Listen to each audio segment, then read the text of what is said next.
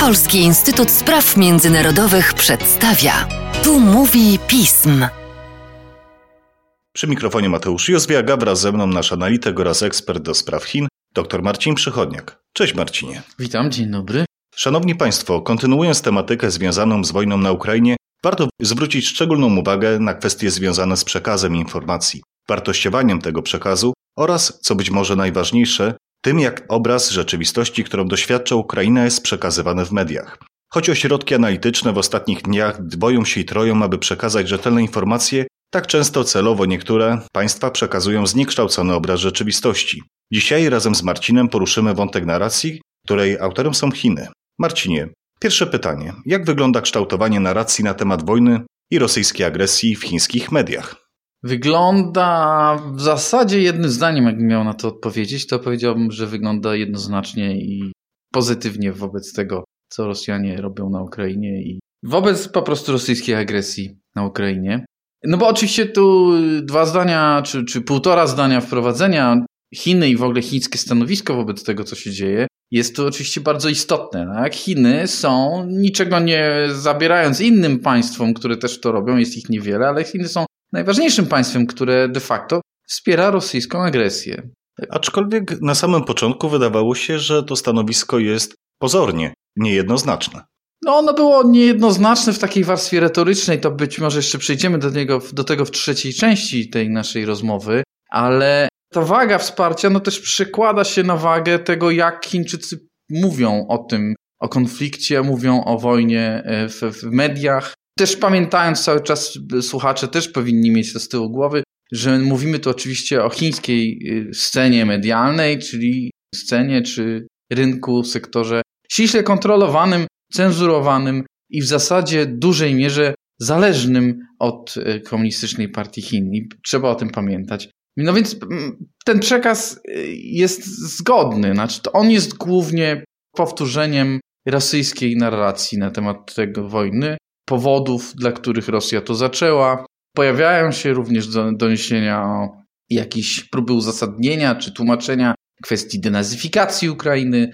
Pojawiają się elementy związane, i to nie tylko w mediach, bo one się pojawiają w mediach jako powtórzenie słów na przykład rzecznika chińskiego Ministerstwa Spraw Zagranicznych, który wczoraj wspominał o, nawoływał Stany Zjednoczone, wzywał Stany Zjednoczone do tego, żeby ujawniły laboratoria z bronią biologiczną, które na Ukrainie mają się znajdować. Oczywiście to w jakimś dalekim tle jest cały czas nawiązanie do tej dyskusji chińsko-amerykańskiej na temat koronawirusa, jego e, pojawienia się i przyczyn i tak dalej, i tak.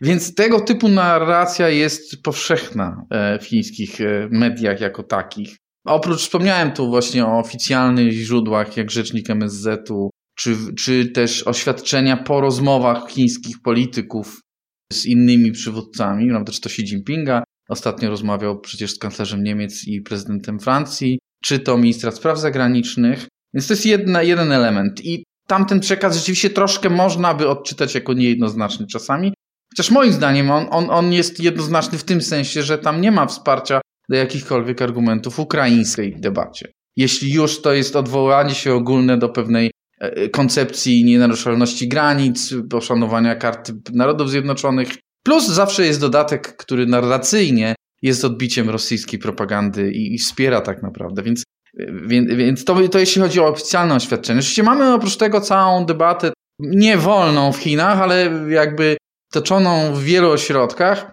na przykład szereg różnego rodzaju wystąpień chińskich naukowców od spraw międzynarodowych, też właśnie wszystkie z nich tak naprawdę tłumaczących w ten czy inny sposób, dlaczego rosyjska agresja nie jest do końca agresją, dlaczego ona jest jakoś tam uzasadniona. Suma summarum, jakby to wyrzymać i sprowadzić do jednego zdania, no to one się, co może jest oczywiście analitycznym przestępstwem i pewnym uproszczeniem, ale jednak one by się sprowadzały do tego, że to jest y, w jakimś sensie wina Sojuszu Północnoatlantyckiego, no a, a jeśli Sojuszu, no to Stanów Zjednoczonych. Że oczywiście dzieją się tam złe rzeczy, że ludność cierpi, prawda, ale też jakby bez konkretnych odniesień, bez, bez, bez pokazania tej, tej rosyjskiej przemocy. No ale, ale, to ale zawsze jest, tak? W każdej z tego typu czy to wideo nagrywanych przez naukowców e, chińskich, czy to artykułów publikowanych.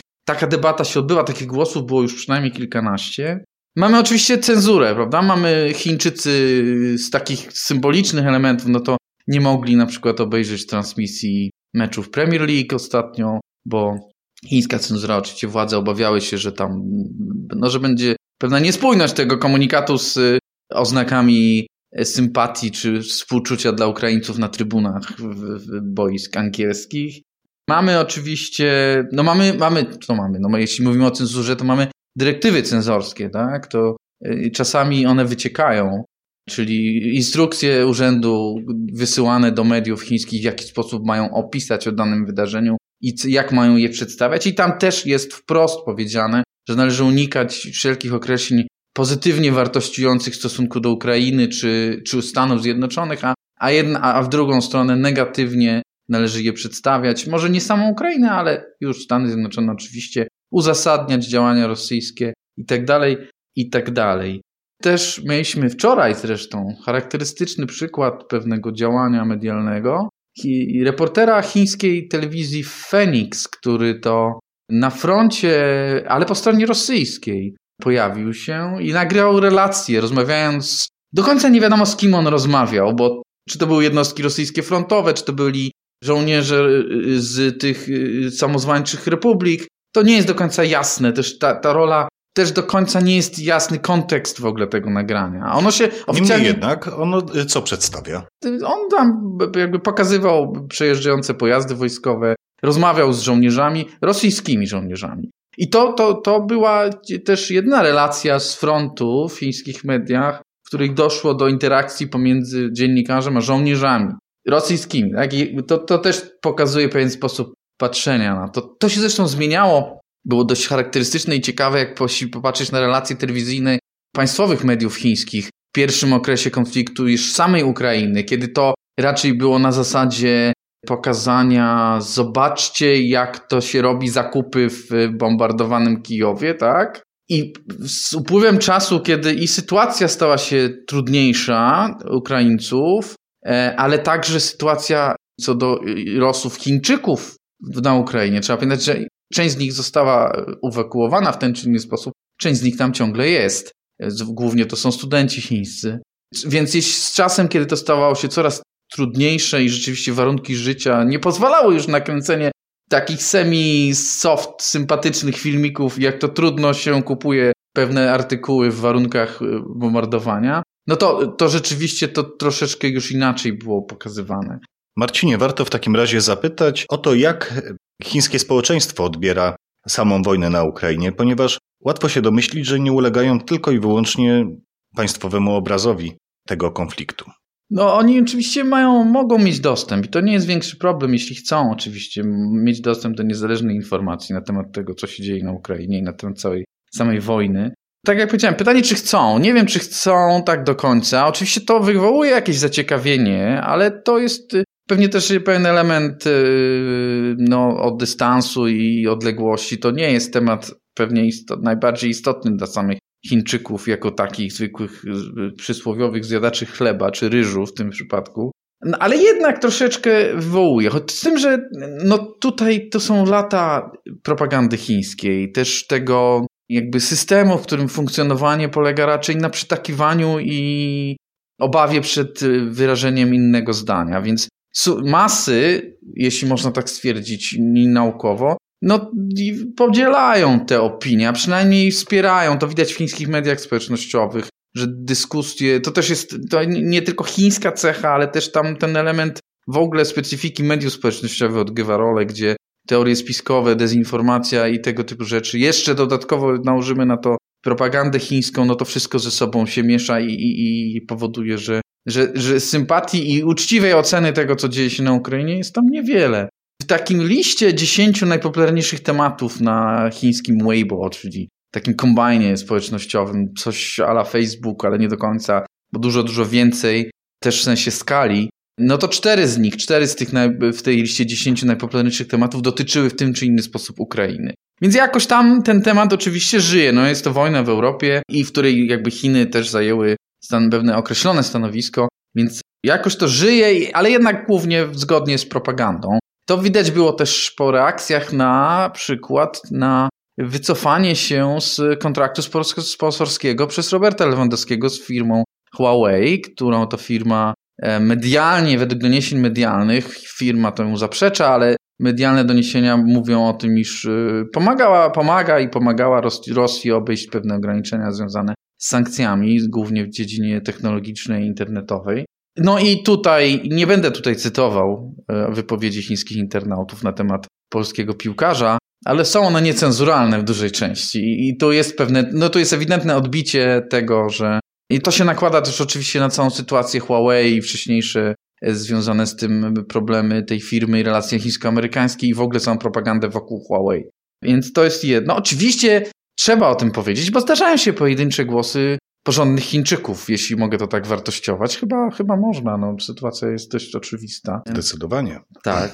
Mamy no, przypadki ludzi dość popularnych nawet, którzy, którzy mają miliony obserwujących, tak? Jakichś tancerek, nazwijmy to chińskich celebrytów, które wprost publikują wyrazy sympatii, chociaż tyle, tak? Dla Ukraińców jako takich. No te konta są zawieszane dość szybko. Mamy, nie wiem na ile niezweryfikowaną, ale pogłoskę, plotkę, opinię na temat tego, że część z absolwentów e, Uniwersytetu Tsinghua, bardzo prestiżowego uniwersytetu w Pekinie, zwróciła się z, z, wnioskiem, czy z prośbą, czy z apelem tak naprawdę, bo to pewnie formalnie nie ma, nie, nie ma takiej drogi, odebranie e, doktoratu honorowego, bo prezydentowi Putinowi, który ten doktorat tej uczelni posiada.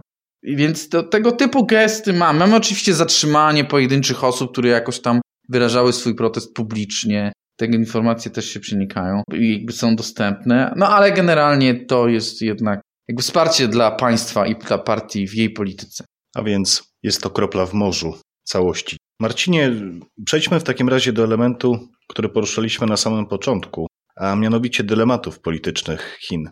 Jak one będą się kształtować w związku z tą nową rzeczywistością, która tworzy się przed nami? No to jest właśnie pytanie za milion dolarów. Ja nie, nie, nie jestem przekonany, że tezy mówiące o tym, iż Chiny mogą odebra- odegrać jakąś rolę mediatora, to już da, bardzo daleko powiedziane, ale że są w jakiś sposób niezadowolone z tego, co się dzieje na Ukrainie, że zostały oszukane przez Władimira Putina. Nie jestem przekonany, czy to jest do końca prawda. Znaczy, tu jest oczywiście odpowiedź na pytanie tego, do, do jakiego stopnia chińska polityka jest pragmatyczna a do jakiego stopnia jest jednak już ideologiczna, nakierunkowana na pewien rewizjonizm ładu międzynarodowego i w związku z tym, jeśli jest rewizjonistyczna i ideologiczna, to decyzja chińska o rywalizacji z Zachodem jest nieodwołalna, tak? Przypomnijmy, że 4 lutego e, Xi Jinping i Władimir Putin spotykają się w Pekinie, po czym po tym spotkaniu wydają specjalne, obie strony wydają specjalne oświadczenie, w którym idą bardzo daleko we wsparciu już nie tylko we współpracy gospodarczej politycznej, ale w ogóle we wsparciu swoich dążeń Rosji w Europie Środkowej i Wschodniej, a Chin na Indo-Pacyfiku. Więc to wsparcie wydaje się być w tej chwili pewne. Zresztą mieliśmy wczoraj wypowiedź ministra spraw zagranicznych e, Chin na sesji parlamentu, w którym on w dalekich, daleko idących superlatywach wyrażał się o współpracy chińsko-rosyjskiej. W ogóle jakby zupełnie nie przeszkadzał mu kontekst wojny na Ukrainie i w ogóle, i wręcz nie tylko mówił o tym, że ta współpraca jest dobra dla Rosji i dla Chin, ale też dla państw trzecich. To w ogóle brzmiało już bardzo, bardzo poważnie, ale z drugiej strony trochę niepoważnie. W każdym razie, no więc w tej kwestii są trzy sprawy chyba najważniejsze. Czyli pierwsza rzecz to jest jednak, to są ci chińscy studenci w, na Ukrainie. To jest i bardzo istotne, bo to, to, to, co się z nimi dzieje, a już to, co widać, jakby co się z nimi dzieje, tam były, były doniesienia o tym, że część z nich nie żyje, y, nie do końca zweryfikowane. No w każdym razie pojawiają się w mediach wiele informacji, też w mediach chińskich, społecznościowych, na temat ich złego stanu no, w warunkach wojennych przecież funkcjonują. I to, to przeczy narracji partyjnej na temat tego, że partia się każdym Chińczykiem za granicą zaopiekuje, pomoże mu. Zresztą ambasada chińska w Kijowie była totalnie zaskoczona tym, co się stało. Pytanie, czy świadomie, znaczy, czy pytanie, na ile to zaskoczenie wynikało z tego, że po prostu Władimir Putin nie zrealizował tych planów, o których Chińczyków wcześniej zapewniał, e, a na ile to rzeczywiście to wynikało z jakichś innych elementów, jeszcze niewiedzy, braku zdolności itd., tak itd., tak tego teraz nie rozstrzygniemy. Natomiast ten element y, właśnie opieki nad Chińczykami za granicą jest tu istotny dla władz chińskich i, i bardzo mocno warunkuje. Zresztą Wang Yi, y, minister spraw zagranicznych, też o tym wczoraj mówił, że, że to jest, że jakby zapewniał 13 razy, bardzo dużo razy w każdym razie, że partia się tym zajmie i się zajmuje, że przywódcy nad tym myślą. Druga rzecz, no to jest ten element y, rozwoju sytuacji. Chińczycy, jak my wszyscy, do końca nie wiedzą, jak się to jeszcze potoczy, tak? Jaki będzie efekt tej, tej wojny. Czy ona potrwa jeszcze tydzień, miesiąc, czy może dwa lata, prawda? Czy skończy się jakimś zawieszeniem? Na pewno są zaskoczeni tym, że kolokwialnie rzecz biorąc, Władimir Putin nie dowiózł tego, co obiecywał prawdopodobnie e, w, w Pekinie. Miał przetestować zdolność Zachodu do reakcji szybką kampanią podporządkowaniem Ukrainy. Najprawdopodobniej oczywiście. Nie mamy na to dowodów, że takie obiecanki składał. Ale to jest prawdopodobne. Jeszcze jedna rzecz. Chińczycy też chyba nie liczyli na to, że odpowiedź zachodnia będzie tak zdecydowana. Tu jest pewien element, wydaje się, y, braku jakiejś ekspertyzy tak, na temat tego, z czego on wynika, to być może jest temat na kolejny podcast. Natomiast pewnej ekspertyzy na temat tego, że Zachód Zjednoczony przynajmniej do pewnego momentu stanie za Ukrainą. Tak? I, I w ten sposób zareaguje wobec Rosji, jak reaguje.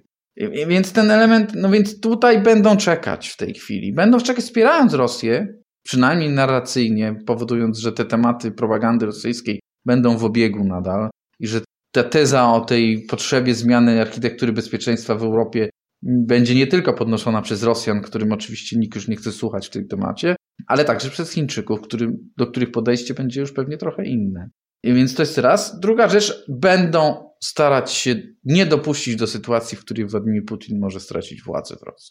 Czyli do pewnego stopnia y, dostarczać pewną kroplówkę Rosji, gospodarczą kroplówkę, tak? Oczywiście będą też chcieli uniknąć sankcji, które w, w, drugim rzucie mogą być wymierzone w nich samych, prawda? Tu jest ten delikatny balans, więc między chęcią, nie wiem, przejęcia udziałów w rosyjskich firmach, które są w złej sytuacji finansowej, a tym, co to może oznaczać dla ich interesów w Unii Europejskiej, czy, czy, czy w mniejszym stopniu trochę ze względu na sankcje i rywalizację ze Stanach Zjednoczonych. Ale pamiętajmy, że najważniejszym partnerem handlowym Chin jest Unia Europejska cały eksport, no nie cały, ale większość eksportu, który, y, na którym w tej chwili trzyma się chiński wzrost, e, głównie się trzyma chiński wzrost, to jest eksport, który idzie do Unii, więc to ma też znaczenie. W najbliższych tygodniach i miesiącach będziemy obserwować, czy Chiny jako linoskocze, który dybie się między równowagą gospodarczą a polityczną, odnajdzie się w nowej rzeczywistości. Będziemy o tym rozmawiać, Marcinie. A tymczasem dziękuję Ci za dzisiejszy podcast. Dzięki.